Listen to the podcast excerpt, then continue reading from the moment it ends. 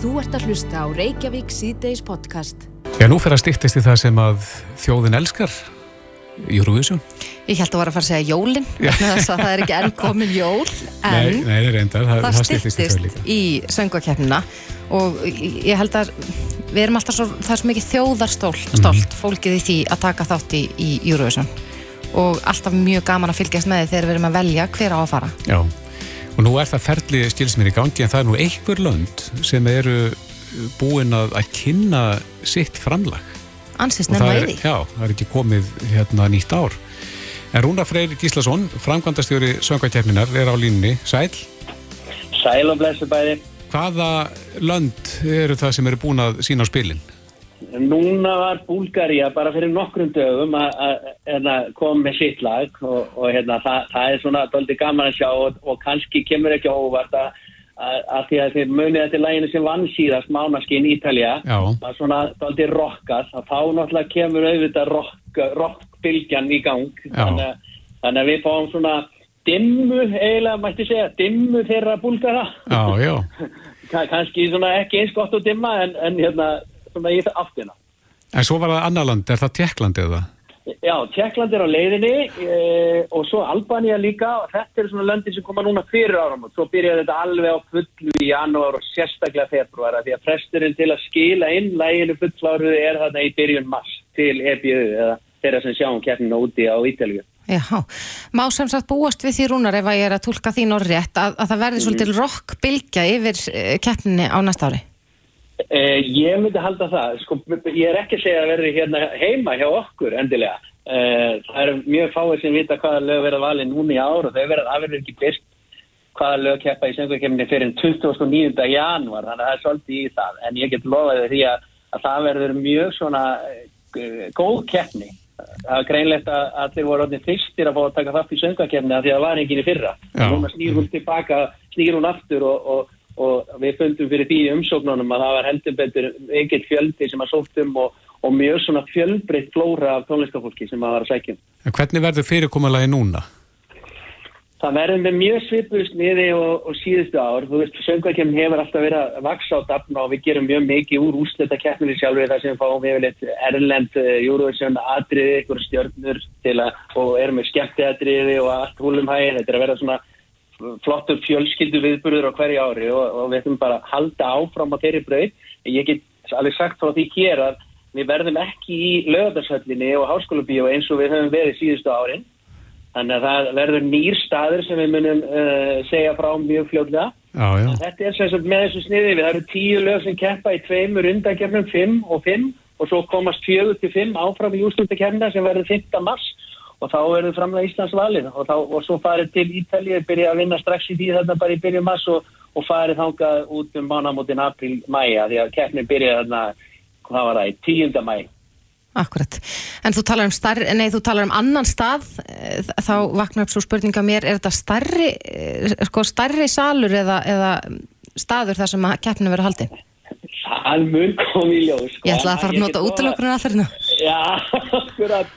Það er, það eru margir búin að vera að rekna, sko. Hérna, er náttúrulega hérna, Facebook-grúpa sem heitir Eurovision á, á hérna, Íslandi á hérna, e, já, og það sem að allt er hérna, spjallað mikið um og, og vera að velta þessu mikið fyrir sér og það er á að koma alls konar til ör að við gefum ekkert upp. Þetta verður allavega rosalegt og mjög, mjög flott og stóru sniði.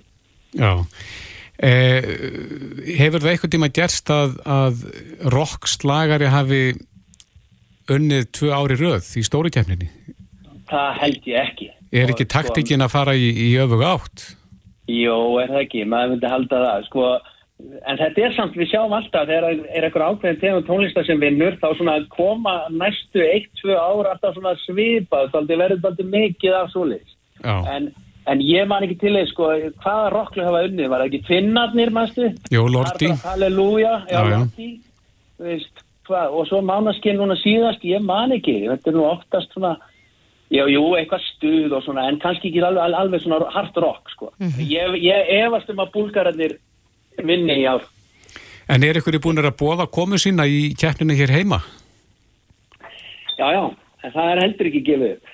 Hérna, þess að það er bara, já, það verður allir ánægði með það sem kemur og, og hérna, samninga verður er bara standa yfir og, og hérna, það verður alltaf eitthvað flott. Við höfum alltaf fengið rosalega marga flotta, flottar Eurovision stjórnuringa eins og bara uh, Mons Selmelöf og Robin Benson og, og náttúrulega uh, hérna, Euphoria, söngkonan, hérna, mm -hmm. sem, sem bara er stólið úr með hvað heitir. Hvað Hún heitir Lorín.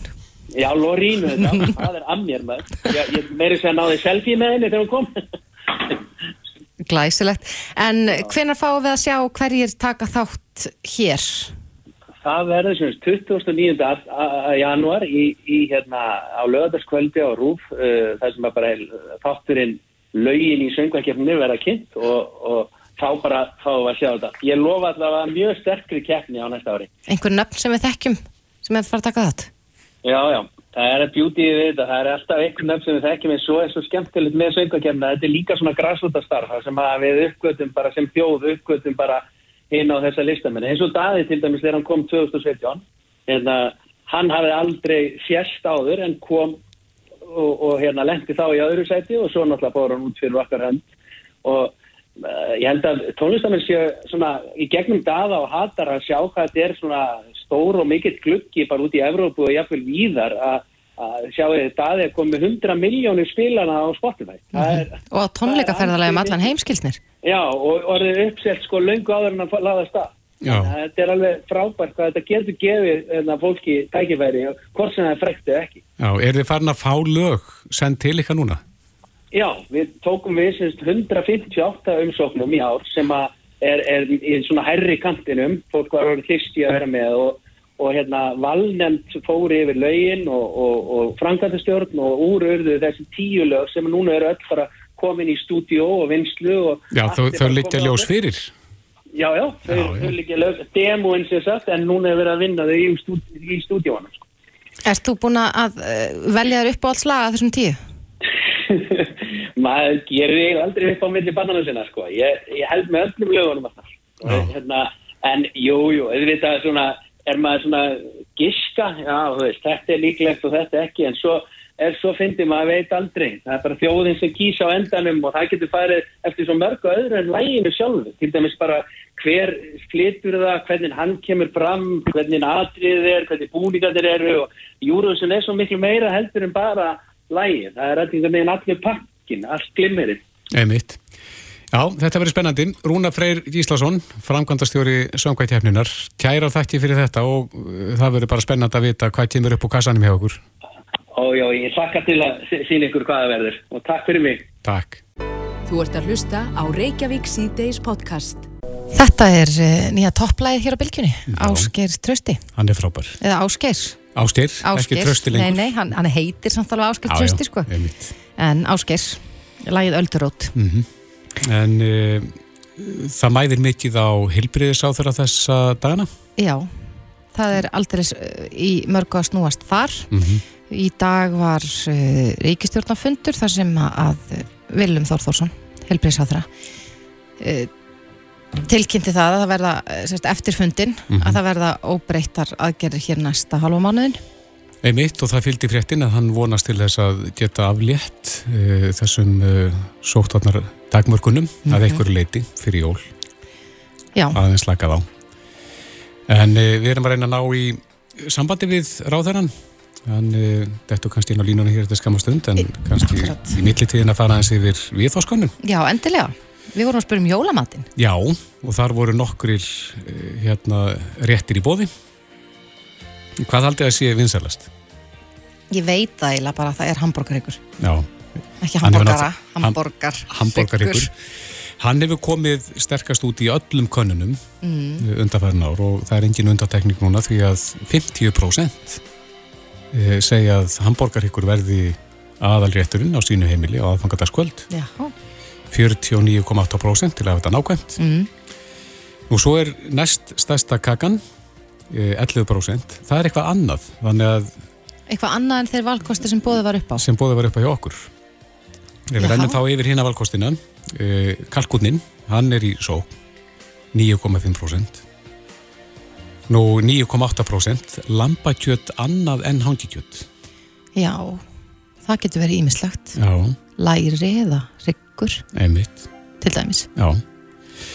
E, svo finnst mér rjúbutnar, þær eru nú að fá hérna, svo litið af atkvæðin hérna, Mm. svona við að við áður, 7,4% segja rjúbur verði aðalrétturinn. Já, Nú hangikjötið, 2,5%, það er ekki margin. Ég, mér grunar að hangikjötið sé á bóstónum ansi við á jóladag, já, að það sé aðalrétturinn á þeim degi. akkurat. Nú nautakjötið, 6,1%, það var það sem aðalrétt á aðfangardagskvöld. Uh, grænmetisvæði, ef við kíkjum að það netustekin, mm 1,5%. Ég held að hún sé í pínu sók líka. Já, ég held að líka. Og svo er það annað grænmetisvæði, 2,5%. En svona lítur listin okkar út. Akkurat, eh, á línuna, eh, á línunni hjá okkur er komin helbreyðsáðra, Willum Þór Þórsson. Komdu sæll, Willum. Já, komið sæl. Ja, við vorum að tala um jólamattin, hvað er að bástólum á jólum, jólunum hjá þér? Já, ég- var reynd að hlusta á okkur, sko. Það er hambúrgarhaugur en, en uh, netusteikin er líka með, sko. Já, Já, fyrir þá sem það vilja. Já, Já, smakkar þú á báðu? já, já, já. voru þetta ekki alveg eðislegt, sko. Frábært, herðu, en frá jólamatnum og, og yfir í eh, mál málana, það eru mörg spjót sem að standa þér og þú varst nú að tilkynna óbreytt ástand í sóttvörnum uh, næstu tvær vikunar í dag Já, það er rétt. og vonast til þess að geta aflétt á fyrir jól. Já, bara og ef, ef að svona gögn og upplýsingar berast þegar maður gefa okkur tilefni til að gera tiltakanir þá, þá vonast ég nú til þess að, að, að það geti gerst en, en, en það eru þetta óvisa í kringum þetta nýja afbyrði Omikron sem er nú kannski aðlástaði fyrir því að við, við, við framlengjum þetta óbreytt eins og er með að við erum að svona átt okkur á því hvaða ársif uh, og hvernig þetta aðriði mun hefa sér. Eru, eru þessi ákvörðin þína að, uh, í samræmi við það sem að Þórulfur sóttvartanleiknir laði til í þetta minnisblæði? er, í, þetta er nefnilega, já, í minnisblæði Þórúls, þetta er alveg í fullu samræmi við, við minnisblað uh, sótarnalæknis og það sem hann lagði til. En talandi Þóról, hann hefur líka sagt að við þurfum að fara að taka umræðina núna þar sem að fleiri gögn er að berast um þessa svo kvöldu þriðju bólusetningu eða, eða hérna örfunaskamtinn að við þurfum að fara að taka umræðina það hvort að við viljum e, umbuna þeim sem að eru komnir með örfunaskamtinn. Já, þetta er auðvitað umræða sem að kannski ágerist og, við höfum heyrt uh, utan, úr heimi og, og það hefur reynda gengið mjög vel í bólustöfningum og það er mjög, það er mjög hátt hlutfall hér á Íslandi sem hafa hafa þegið bólustöfningu. Þetta er auðvitað val hvers og eins og, og Og það er, tölfræðin er auðvitað eitt sem að sýnir fram á árangur af bólusetningum, gangvart smittum og veikindum og svo framvegs. En síðan eru auðvitað mörg, margar ólíkar ástæður fyrir því að fólk uh, þykkur ekki uh, bólusetningu og við, það er allavega mín afstæða og skoðun að við, við eigum að virða þau sjónamið, þau ólíku sjónamið sem liggja þar að baki. Það, þetta á að vera val hvers og eins. Þórulfur hefur sagt að hann sjá fyrir sér að fólk með örfunarskamt sleppi við fjöldatakmarkanir og hraðpróf. Er þetta eitthvað sem að þú sæir fyrir þér gerast? E, Þessu hefur einmitt verið veldu því við erum alltaf með það í huga að halda samfélagum okkar sem mest gangandi og vera með, með sem minnstar takmarkanir á, á lífhóks og þannig að, að atvinnulífið og, og, og menningin og íþórnindar þar með taldar eh, og svona okkar aðtafnir í, í daglegu lífi. Þetta gangi bara sem mest og best með sem minnstum takmarkunum. Það er auðvitað hlýtt og þetta er okkar markmið og þá verður bara að skoða sko, svona alla lausnir og úrræði sem við höfum í þeim efnum en við hefum held ég að horfa bara heildstætt á þetta þannig að hver og einn getur nýtt sér þau úrræði með hans stöðu eða einstaklingurinn til þess að geta uh, sko aðtapna sig eins og, eins og hann þarf og, og, og vil sko. Þannig að við hefum ekki að bara varast það að vera að skipta þessu eitthvað upp í eitthvað hópa. Já, þannig að þú vilt ekki undir nokkur kringustæðan fara þá leið að, að gera greina mun á óbólusettum og bólusettum? Nei, við, höfum að varast að horfa á það þannig. Við höfum bara að horfa á allar, öll okkur úrræði eh, sem að geta nýst okkur til þess að aðtapna okkur og, og, og þetta eru takmarkinu alltaf, þetta er alltaf skerðing og, og ef að sko við erum að horfi í, í kostnaðin til dæmis sem við erum að ræða af mörgum aðgerðum að, að sko þá, þá þetta kann sá kostnaður bara komið baki á okkur setna og í öðru formi sko. En er verið að skerða rétt fólks vegna óbólusettra í samfélaginu? Nei, við erum, við, ég, ég tel, tel ekki svo vera, sko. Við erum auðvitað bara, bólusetningarnir eru auðvitað hluti af því að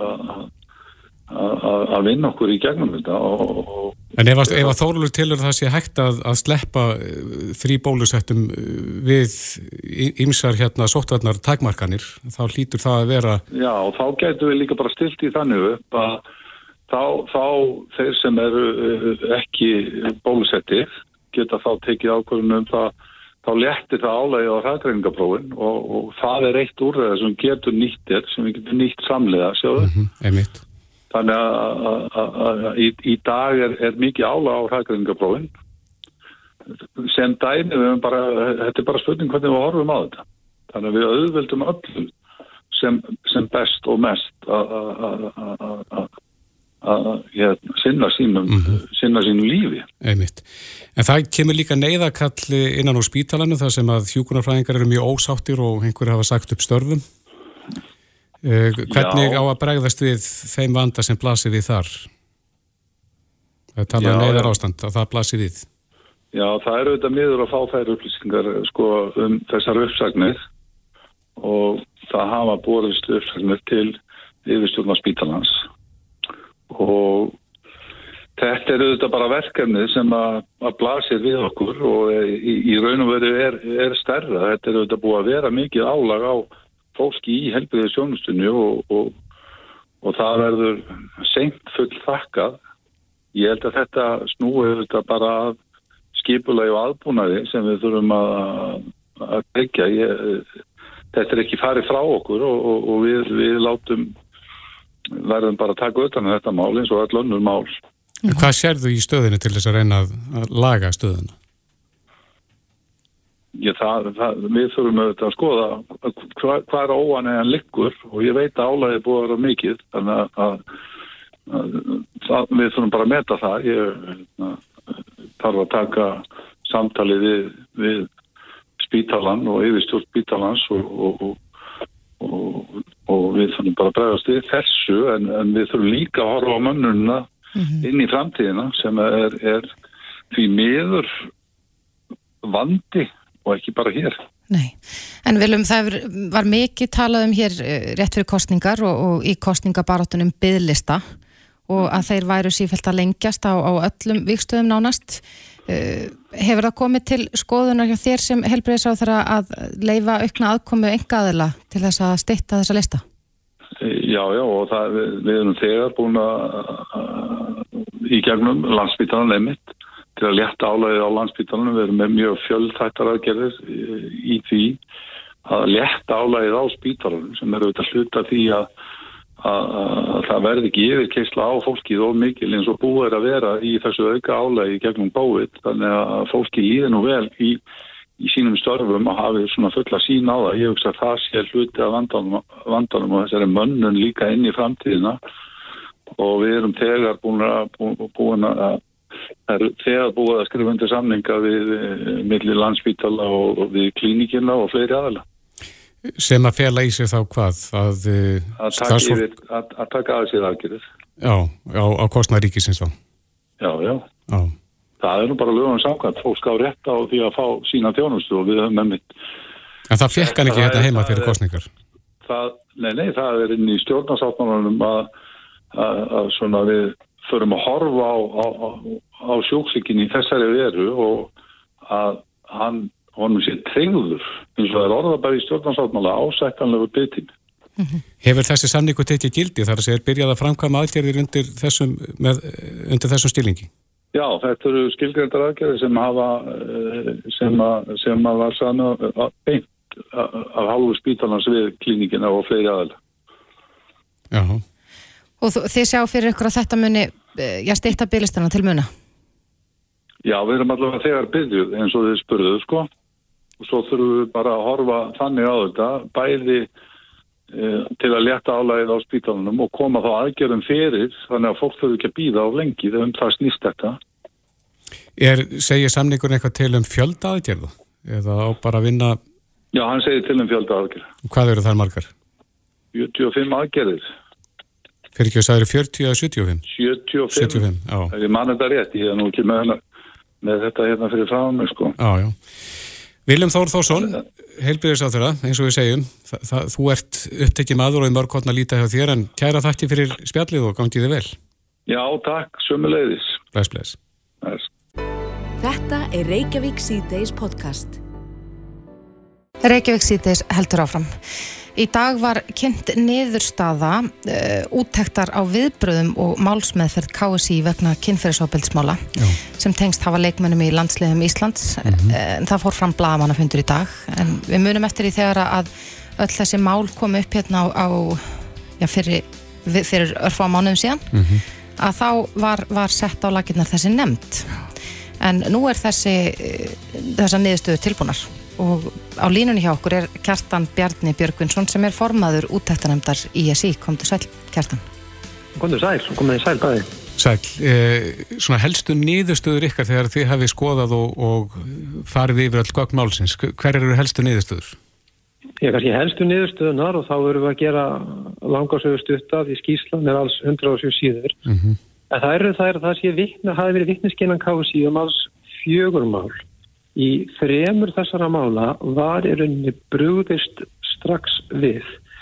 Eitt þessara mála var þess eðlis að þar tilkynnti starfsmaður KSI uh, sambandinu um uh, frásögn tengdadóttur sinnar og það er kannski svona helst það og svo önnu frásögn sem við teljum að yfirlýsingar þáverandi formans í fjölmjölum hafi verið villandi um.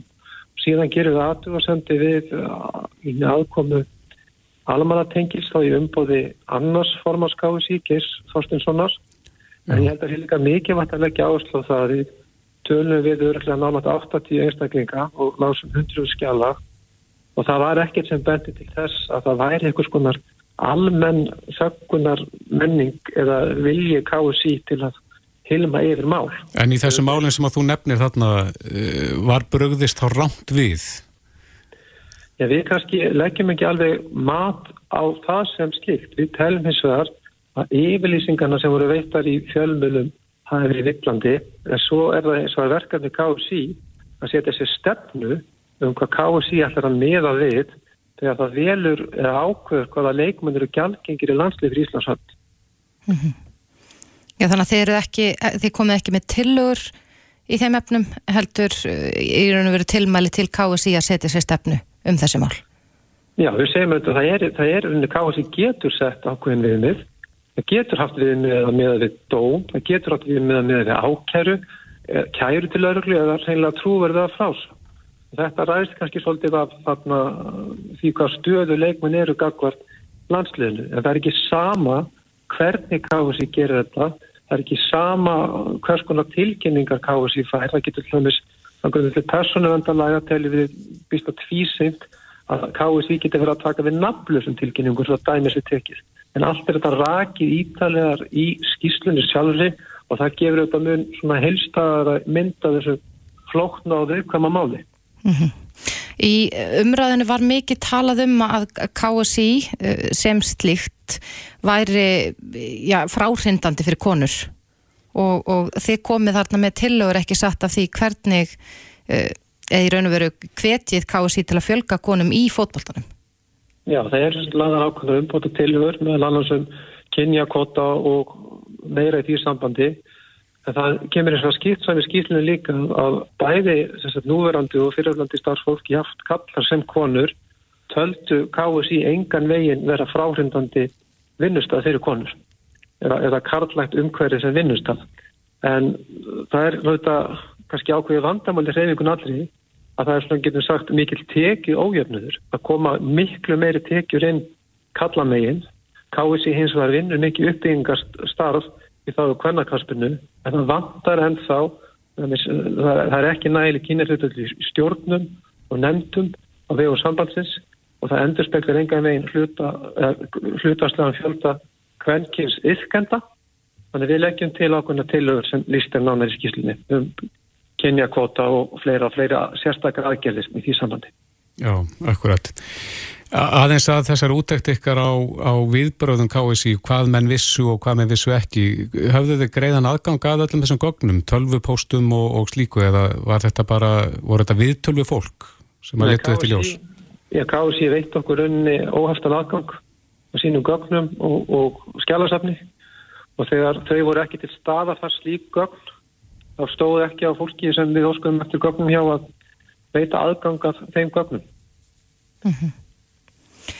En, en uh, í þessari, uh, í, í niðurstöðum ykkar, er eitthvað farið yfir það hvernig best er að bregðast við slíku málum ef að, ef að þau kom upp aftur? Ef að fleiri mál kom upp? Ég kannski er svolítið erfitt að setja svona eina, einhverja skýralínu sem gildir fyrir öll mál og því mál eru þess að við þekkjum svona mismunandi. En við teljum að þau með miskunst að vera ljóst hvenar KSI alltaf bregðast við. Að KSI setja sér einhverja ákveðna reglur í því sambandið að viðmið, þannig að það sé ljóst hvenar rétt er að sér stíi inn í mál og svo líka bara hvaða kröður á að gera til tilkynninga. Mm -hmm. Þannig að sér sér svona og líka þeim sem leita til sambandsins sér ljóst hverst þau með að vænta. Akkurat, þannig að það, það sé gerður greinarmunur á uh, tilkynningum eftir því hvers eðli þar eru? Já, líka það er kannski gerður ákveðna kröfu til þess að uh, til svona lýsingar að, að það sé ekki nafnlusar, svo dæmið sér tekið og það sé líka þeim sem tilkynna sé ljóst í hvaða farfið sambandi setjum mál. Þetta er mjög bagalegt og kannski fælar einhverja þólundu frá því að leita með sín mál að fólk veit kannski ekki alveg í hvaða farfið málið er sett. Nei. Þannig við leggjum svona áherslu á að þetta verður allt gert skýrandi framtíðar. Já, en það hefur sem sagt verið hérna, þetta hefur verið í ólestri svona miða við ykkar neyðustöðu. Já, það er kannski ekki okkar orð. Við telum að það megi ímestlega bæta og það er rauninni bara eðlið þessara mála að, að umgjörð þeirra í kannski landinu öllu og samfélaginu öllu er eitthvað sem verður að lifta grættistaki í og eins og orðum að í skýslunni það er auðvitað nöðgunar og þöggunar menn einhverju viðtak hugtök en KSI er svona nýðustum okkar ekki verri staður en samfélagi allt hvað það var þar. Já og þið kvittið ekki upp á að þarna hafi verið stundu þöggunar menning Við kannski gerum við aðtöðsendir við svona ákveðin atriði í skýslunni sem er tilkjöfum þá sérstaklega en, en að það sé almennt þannig kvituð ekki upp á. En vissulega eru þarna aðtök sem byrja enginni svona ákveðina þaukunar menningar. Akkurat, en uh, nú er boltin hjá KSI ekki satt að, að uh, eh, finna út úr því hvernig þessu málum verður háttað til frambúðar? Já. Akkurat, Kjart, Kjartan Bjarni Björgvinsson, formaður úttæktanemdar ISI. Þakka kærlega fyrir þetta. Takk ykkur sem er leiðist, takk. Og þá er kannski bara líka beinast við að fá viðbröð frá uh, formanni KSI sem okkur skil, samkvæmt vísi, var mætt á svæðin með glósubókina sína og punktaði niður. Vanda Sigurgerstóttir, kom til sæl. Góðan daginn. Hefur þú nokkuð að gera grína glósubókinu minni samt? Nei, Nei ja, alls ekki. Við búumstu því að hún sé þétt skrifið eða hvað? Hún, já, hún er það. Já, en svona þín helstu viðbröð? Hefði ég, er, ég, þó kannski að þetta er náttúrulega erfið og flókin málefni og allt það, þá er kannski svolítið aðstæðan að orðið fagna en ég, þetta, mér líður samt þannig að ég fagna þessari góðu skýslu, káði sér bað um hann á sínum tíma og, og mér er bara mjög gott að hún er komin út, mér er svona vel unnin, hún er náttúrulega laung og ítarleg, en mér er kannski bara ábyrningarnar sem eru í henni, munu nýtast okkur bara mjög vel í þeirri vinnu sem er framöndan. Eitthvað sem kom á óvart? Um, sko ég er ekki ég er ekki búin að lesa hana stafan á milli. Þannig að núna tekur það við að fara að lesa hana og stjórnin fer að fá skýsluna þannig að ég, ég get eiginlega kannski ekki svara þeirri spurningu alveg strax og ringi mér næstu viku Akkurat, En, en eitt af því sem að, rættir um þarna er að KSI er hvað þess að fjölga konum í störfum innan fókbaltans hér á landi og, og meðal annars með því að skoða kosti og galla við kynjakvóta. Hvernig líst þér á, á þá tillögu? Jú, ég, ég er náttúrulega jafnbrytiskona en mér er kannski mjög mikið að tala um að, að, hérna, að það kemur líka fram í skýsluna kási að hafa beitt sér virkum hætti. Að jafna aðbúna kalla hverna með alls konar aðgerðum. Og sjálf hef ég hérna, með því að koma hér inn sem formar á fyrsta konan þá hefur mér bara verið tekið vel innan reyfingarnar á konum og köllum mm -hmm. þannig að mér er mikið að taka það fram að það er margt vel gert. En þau seg, og þau segja það í skýslunni að hérna að það er ekki hægt að draga neina álöftun um það að, að, að, að það sé einhvers konar aðstæðurinn að kási sem hamlið þátt okkur hvenna en aftur múti komið með hugmyndir um það að það sé hægt að gera betur og þar á meðal talaðu um þetta með að jafna hlut hvenna í stjórnum og nefndum og það er eitthvað sem við munum bara skoða eins og allt annað sem öll önnu góður áð mm -hmm. Það kom, það kom einnig, það kemur fram í, í þessari skýrslu að, að að KSI hafi vitað um alls fjórar frásagnir um leikmenni aðra sem að starfa fyrir KSI sem hafi beitt kynbundnu eða kynferðslu ofbeldi mm -hmm. uh, og, og þau í raun og veru beinaði til ykkar að, að finna farveg fyrir slík mál. Er, er svo vinna farin í gangin en KSI að búa til einhvers konar verkla í kringum uh, slíka tilkynningar? Já, uh, og þetta kemur, að því að þið spurðu hvort eitthvað kom óvast, þetta kemur ekki óvast, því við vitum það alveg að við þurfum að laga verklaðið og ekki bara við hjá Kási heldur íþjóttarhefingin í heilsinni og svo vinna er farin á stað, það er starfsópur að störfum á vegum ISI sem að mun á nýju ári skila tillögum sem að eiga verða reglugerð í mars á næsta ári. Að því að það er alveg ljóst að, hérna, að þetta er eitthvað sem við verðum að bæta. Og við erum ekkert að eitthvað að reyna að fjela það heldur bara við, þetta er bara munum við laga og erum löðast að. Já. Og næsta verkefni hjá ykkur er að lesa þessa stíslu sem að ljóður upp á það ekki 170 blæsiður? 107 held ég að það nú verið. 107, já. Eh, ég vona sér 107 þegar 170. Já, já, það er eiginlega þannig, já. Nú, við, nú þarf stjórnin að, að, að fá skísluna og, og við þurfum að leggjast yfir hana og, og hérna og munum nýta okkur hana og það er annar starfsópur líka búin að skila skilaði núna fyrir nokkru vikum síðan e, starfsópur KSI þannig að við öll þessi gögn sem við erum að fá frá fagfólki munum við nota til þess að gera góður hefingu en betri og til þess að koma þessum málum í laga því að það er eitthvað sem að verður að vera í lagi. Ofbeldi er ekki liðið og það verður að vera örugleið fyrir, fyrir fólk og við verðum að takast á við þetta sem knaspinurhefing, sem vítatarhefing og sem samfélag. Þá þurfum við að bæta okkur í þessum málum Já, Vanda Sigurgistóttir, formadur KSI. Takk kærlega fyrir þetta. Takk fyrir. Reykjavík síðdeis á Bilginni podcast. Það eru einungis þrjár vikur eftir af árunu. Já, sem að þýðir að það stýttist í sprengjudaginn. Já, og sprengjudagana, það er nú alveg ágætla mikil flugölda gleði þarna á þessum tíma sem má uh, skjótu flugöldum. En ég skilsa þessu blikur á lofti núna. Já, það er gámaskortur í heiminum og uh, samkvæmt frett ríkisútvarpsins að þá gæti rakettuverð rókið upp eftir bras við innflutning. Já.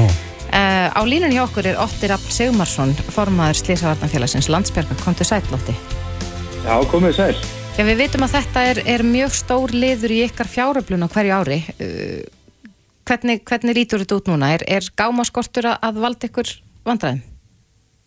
Já, sko, flugöldasalan er klálega eina af okkar allra stærstu fjáröflunum og, og bara svona hefur verið, hefur verið mjög svona fyrirferðar mikilvægt þetta í okkar starfi í gengum tíðina og, og já, við erum, erum auðvitað að glíma við svona já, flutningsvandræði bara eins og allir aðri í heiminum gerir ráð fyrir þessa myndir. Mm -hmm. Og mun það stila sér í herra verði til neytenda?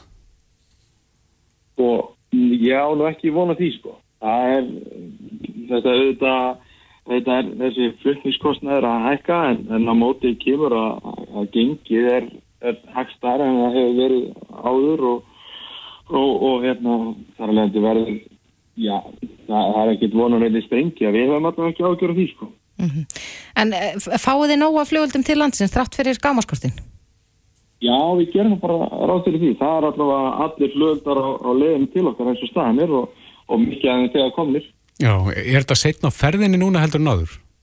Þetta er svona, já, þetta er nú svona í setna legi, ég get nú alveg sagt það. það er, þetta hefur oft verið svona að, berast okkur um, já, kannski svona í nógundar, eitthvað svo list enda Mhm. nóvember en nú er komið í desember og, og þeir eru svona ennþá að berast.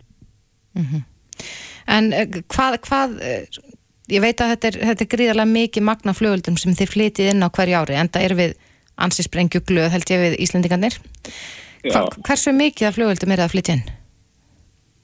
Ég er bara ekki með þá tölu reyna, en það er tölvöst magn. Þetta, þetta skiptir, skiptir einhverju tögum að gámum, sko.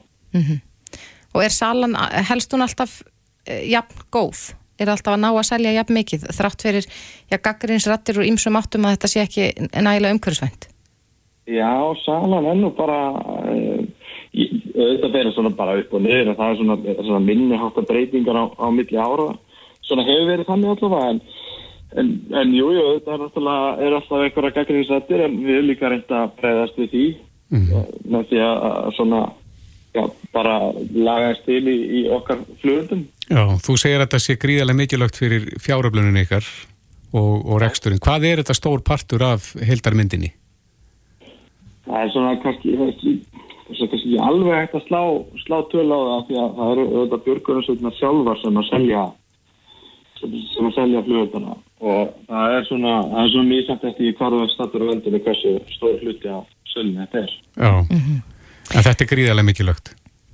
Já, þetta er bara, við bara, við bara lifum á þessu, það er bara, það er bara þannig. Formaður flugveldanemdar hjá ykkur uh, sagði í viðtali við Ríkisútarpi sem ég var nú að vísi áðan að uh, já, hækkanir á innflutningsskjöldum muni óhjákvæmilega hafa áhrif á verðið. Serðu fyrir þér að þetta muni skipta miklu fyrir buddu landsmanna? Nei, það er nefnilega málið, það vantaði nú bara aðeins í þess að frétt og að vera alveg finskilu, sko, því að að, að bara kom ekki fram að, að það er þetta gengis mismunur við hérna á móti, þannig ég, ég er nú ekkert, er nú ekki ágræði að þetta muni uh, vera eitthvað stóra breytingar, sko, það er bara, það er stefnir alltaf ekki í það hjá okkur, sko. Nei. Efleis margir sem að anda léttar við að heyra það. Óttir Raffn Sigmarsson, formaður Slísavata félagsins Landsbjörgar. Takk fyrir þetta. Já, takk fyrir semulegis. Reykjavík síðdeis á Bilginni podcast. Það eru skrítna fréttir eh, sem að koma frá landi rávorkunar þessa dagana. Já, landsvirkjun uh, talar um það að uh, hér sé raforku skortur og, og talar um ónæga fluttningsgetu raforku kerfa. Já.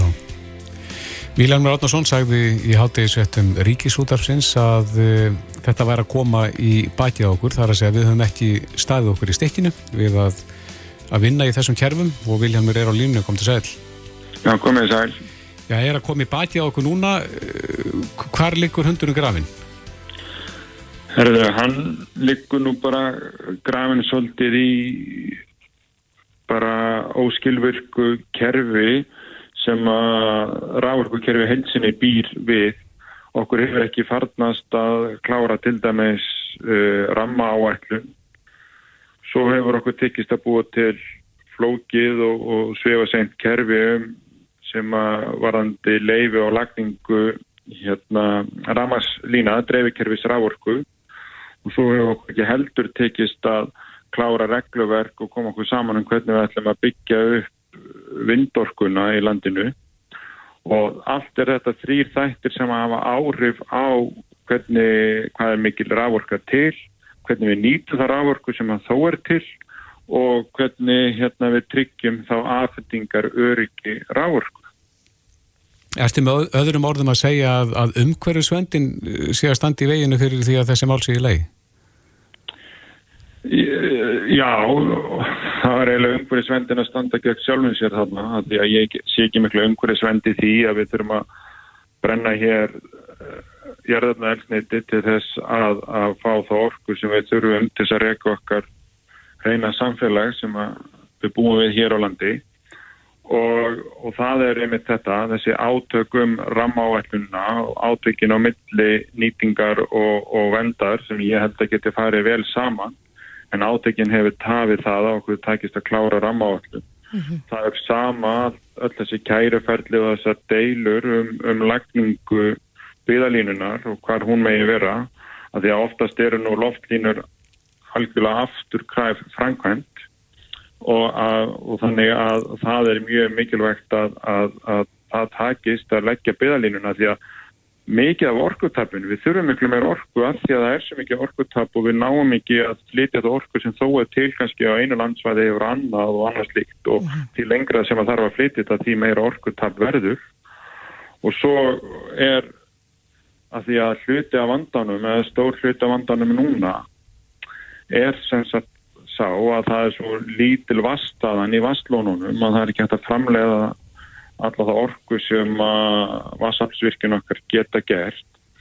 Og ef við værum núna yfir veturinn með aukið vindafl að þá væri hægt að nota vindafli með að sapna vatni.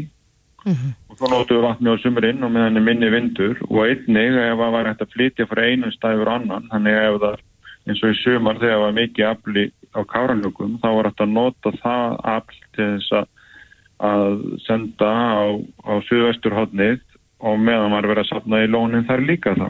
Já.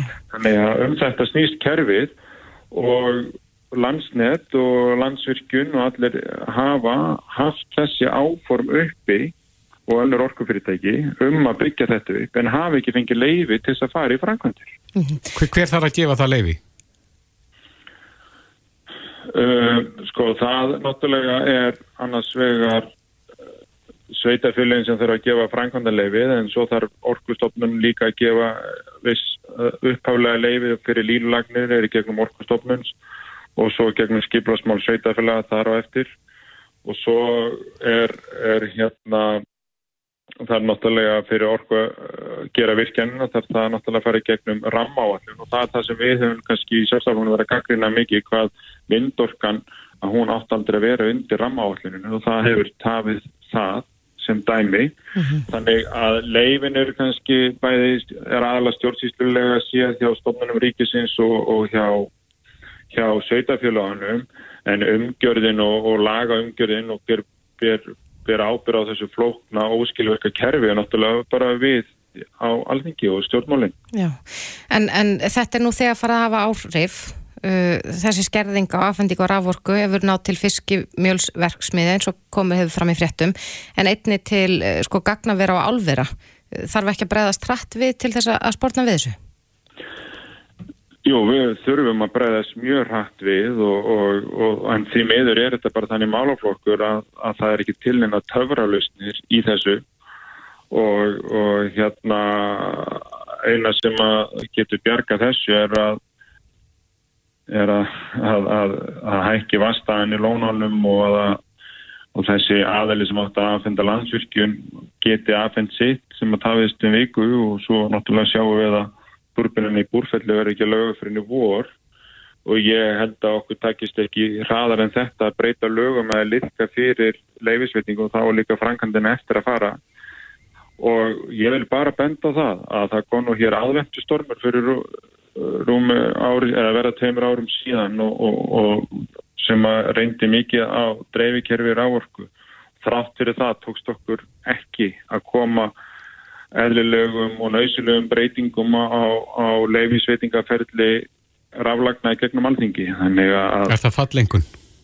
þetta er bara algjör fallengun sko og, og við verðum bara að horfast augu við þennan veruleika og ef við ætlum að standa við það sem að stendur nú ítalega þessum stjórnasáttmála og bara stend og ég hef talið að veri markmið þjóðarinn allra að nýta þá grænu orku sem við verið til þess að draga úr nótkunni jarðarnældsendis hér á landi að, að þá og tryggja ráverkur ekki bara almennt og til þess að líka efla okkar velferðarsamfélag með uppbyggingu atvinnlífs að þá bara verðum við að taka okkur saman í andlitinu og, og, og laga þessa hluti ekki setnum strax í vetur sko. Já, Vilhelmur Ráðnarsson, formaður umhverfis og samgöngunemdar alþingis, gangi ykkur vel í, í þeirri vinnu. Kjæra þakkir.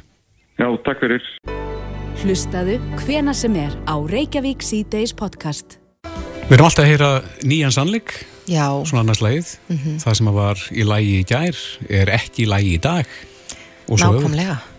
Efnamál hafa verið svolítið mikið umræðinu fyrst mér upp á síkast og nú talaðum að uh, var ekki bara uh, sæðisfrumur að deyja út út af umhverfis áhrifum Jú, en nú, þetta er nú kannski ekki alveg jafn alvarlegt nei. en hins vegar að þá er ný rannsókn sem að dönsku neytendarsamtökin uh, voru að, að gera uh, á svona fidget er svona fykti dót sem hefur verið gríðarlega vinsælt hjá börnum og ungmennum Er þetta svona hérna gúmidót það sem þú meðal hans ítir niður svona einhverjum kúlum? Já, svona pop-it eins og það heitir já.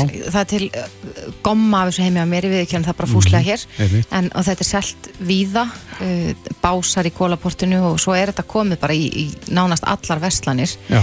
Svona freystingar fyrir börnin á öllum hornum Mhm. en uh, samkvæmt þessari rannsókn að þá uh, geta þessi leikvöng, þessi pop-it leikvöng innihaldi efni sem að, að geta tröflað innkíslastarfsemi Já, það er alvarlegt. En hvernig veit maður hvort að það gerir það ekki? Hvað efni er í þessu? Það er nefnilega stóra spurningin. Á línu hjá okkur er Ísak Sigurjón Bragason, teimistjóri teimis efnamála hjá umhverfstofnun. Kom til sæl. Góðan til sæl. Jæja, Ísak, hvernig getur maður sko vitað hvort að, að tiltekin leikvöng eða tiltekin eh, sko, eða dót úr plasti uh, séu skadlega eða ekki? Það er náttúrulega erfitt að vita með hvern einstakann mun sem maður hefur í höndunum en það er kannski svona fjömalpustareglu sem maður getur reynt að fara eftir. Eh, Það sem að er kannski fyrst að nefna er að við hér í Evrópu búum við mjög stranga efnalaugjöf svona ef við meða við hvernig það er annars staðar í heiminum og að því marki má segja að, að ef að við veljum evrópska vörur þá séum við líklegri til að vera betri stöðu og í það minnst að það vörur eru upprunnar annar staðar frá að það er séu mertar þannig að það er uppfyllið þessar európsku kröfur og séu þetta á CE mertar. Já. En Var það í tilfelli þessar leikfangar sem að Danirnir rannsökuðu? Sko, ég hef nú ekki séð það nákvæmlega út úr þeirra rannsókn en það er líka hérna verðt að hafa í huga af því að það leit íll út svo rannsókn sko að þeir taka fyrir en voru meira heldur en reglurnar og meira heldur en við vitum að sé skalið þannig að þetta er svona að slæra upp kannski verstu myndinni líka. Upp á það að gera að, að hérna þannig eru efni sem eru mögulega grunuðum að geta að vera óheppileg og eins og enn og nefnt þarna með pop-it leikfeng til að mynda að þau innihaldi einhver efni sem geti verið erfið en það er til að mynda ekki búið að sjá hvort að þau leka út úr þessum efnum eða hvort þau eru fyrir hendi en er ekki líklega til að leka út úr þeim og svo framhegi sko. Akkurat. En hvað er það, til dæmis ef við tökum sem dæmi þessi pop-it leikvöng sem að, ég held að sé ekkit endilega tilnætt íslenskt orð yfir, en þetta er þessi spjöld þar sem er að íta niður svona kúlum og að auka einbettingu hjá fólki og, og hvað eina, en hvað er það í þessu sem að er skadalegt? Ég það sem að í þessari tilteknu rannsókn að það hjá TenKMI var að það innihildi efni sem eru grunuð um að vera hormonahermandi eða eingittla raskandi. Uh, en hefur svo sem ekki sannast á þau en það getur líka stundu verið efni sem eru bara uh, óæskileg að losna út í umhverfið í miklu magni og kannski stóra myndin er líka að, að reyna bara í heild að draga úr efna álægi þegar við vitum ekki nákvæmlega hvað áhrif efnin hafa. Nei.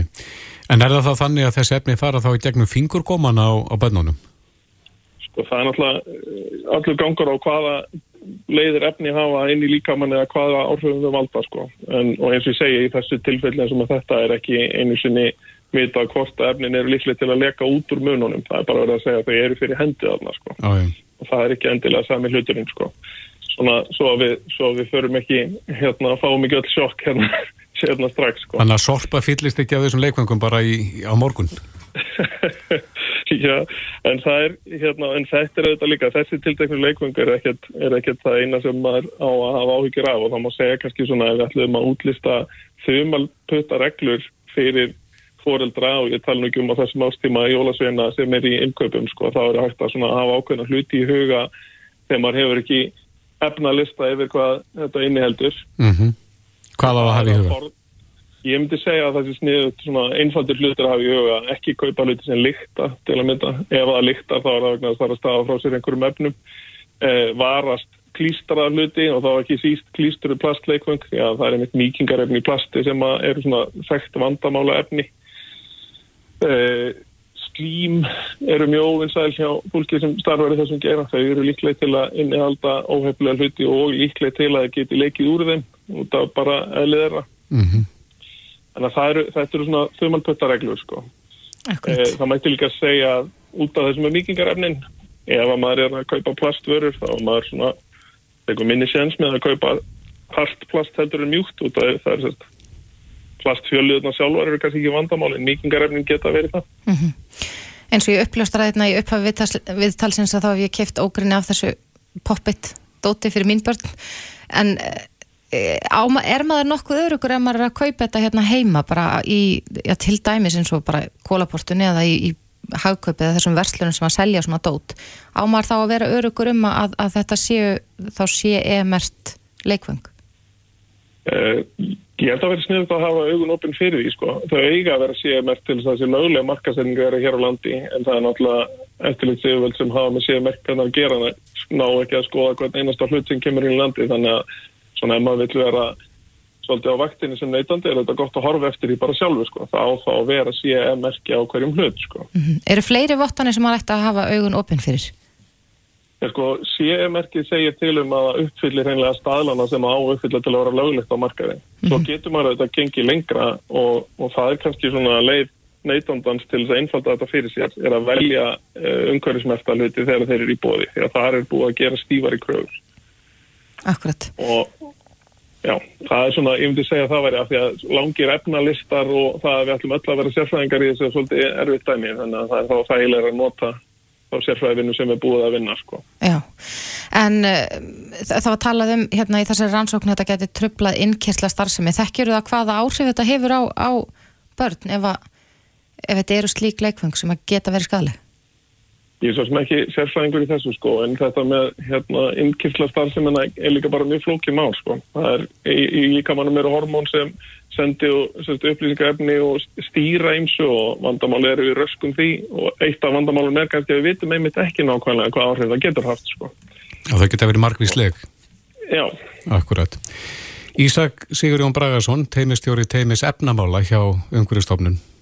Kæra þætti fyrir þetta. Takk sem leiðis kæla. Reykjavík síðdeis á bylgjunni. Frá því að, að fréttaaukin á, á stöð 2 fjallaði um uh, hjalteiramálið svo kalla Já.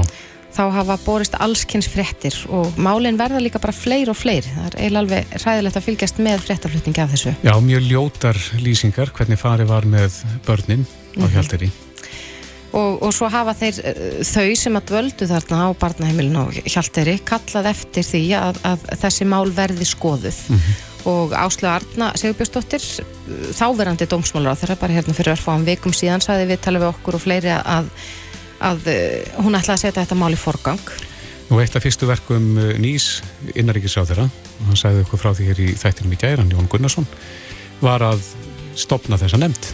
Já, hún, hann hefur skipað starfshóp og, og formaður þessa starfshóps er Vigdís Hestler Sveinsdóttir lögfræðingur og hún er á línunni, komdu sæl Já, komið sælblösi.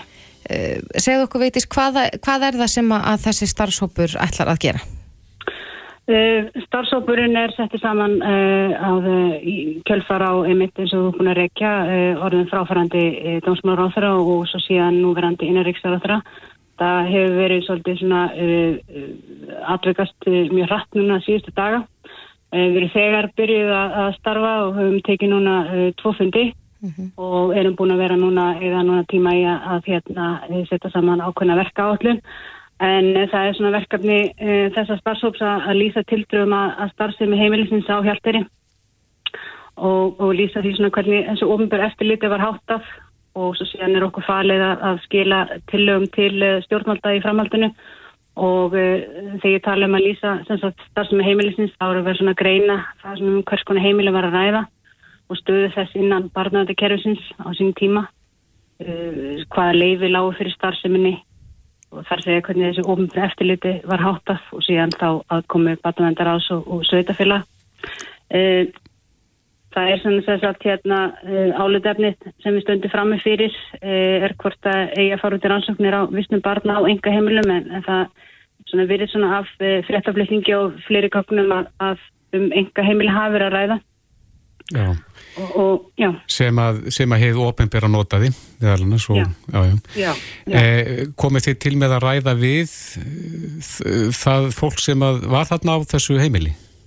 Uh, ekki svona við, við- fyrstu hendi uh, vegna þess að okkar hlutverk er uh, fyrst og fremst að greina eðli þessar starfsemi uh, fyrir stjórnvöld og afmarka það í rauninu fyrir áframhaldandi síðan vinnu. Og eh, eins og þeir kannski vitið og flesti vita að þá voru þarna lög um þessa, þessa vist heimila nefnd sem voru síðan lög niður með lögunum 148-2020 það feldi þau lög á brott en uh, vist heimila nefnd hún lög rannsókn á þeim heimili sem þeim uh, var falið samkvæmt lögum. En lagaheimildir fyrir að nefnda náði ekki til enga heimila þannig að, að núna eru við þess að, að, að, reyna, að, afmarka verkefnið fyrir stjórnvöld og, og, og síðan þá í, líklega í öðrum fasa verkefnsins að uh, tryggja það að svo áframaldi vinna fái þá uh, lagastóð sem þau var á og, og nefnd, svo nefnd fái þá frjálsuna og eftir aðgangu öllum þessu gögnum sem um ræðir. Já, þannig að þið eruð ekki að rannsaka uh, þetta heimili sem slíkt heldur komið með tillögur og, og síðan taka, tekur þá löggefin þetta í sína hendur til þess mögulega að setja lög sem að myndu þá heimila stærri og meiri rannsókn. Já, það er náttúrulega, uh, það er al, al, alveg rétt og, og einmitt afmarka verkefnið og, og, og þess að það er það fyrsta sem þarf að gera og vegna þess að uh, það er nú líka uh, það, það er líka fyrir skýr lagaheimild um að, að fá að taka skýrslur af fyrirhandi uh, það er þeim börnum sem, sem nú eru þá orðin fullarinn og, og voru þarna þá sendtangað og sem sé að þetta er líka svona læknir heilbrið starfsfólk og aðrið þeir sem hafa þá verið innan starfað innan barnandi kerfisins sem, og það þarf að líka það náttúrulega skýr lagaheimild býtu grundvallar. Já, við heyrum það líka í lýsingum þessara, þessar fólk sem var hérna sem börn að, að það hefur beðið lengi eftir réttlæti. Mm. Þýðir þetta að, að beðin kemur til með að lengjast enn meir eða, eða komið því til með að skila ykkar vinnu af ykkur á skamum tíma? Við ætlum að eh, reyna að stefnum að því með verka átlunina þá ætlum við að reyna að ljúka okkar vinnu uh, í kringum janúar. Já, þannig að þið tætti ekki mjög langan tími í það. Nei, við ætlum ekki að gera þannig að við, við ætlum ekki að hérna, við ætlum að vinna þetta mjög hratt og vel uh, vegna þess að það er, uh, þetta er aðkandlandi og mm. það er mikill uh, vilji hjá ráðfæra til þess að, að svona leysa þetta og, og, og fá lust, úrlust þessana mála mjög fljótt og örugla. Mm -hmm. Er þetta að tólka þetta sem svo að þetta sé skref í rétta, rétta átt, í átt að réttlæti fyrir þá sem að þarna dvöldu? Já, ég tel það. Já, við fylgjumst áfram með ykkar störfum. Vigdís Hestler, Sveinsdóttir, lögfræðingur. Takk kærlega fyrir þetta. Takk fyrir þetta. Þetta er Reykjavík C-Days podcast.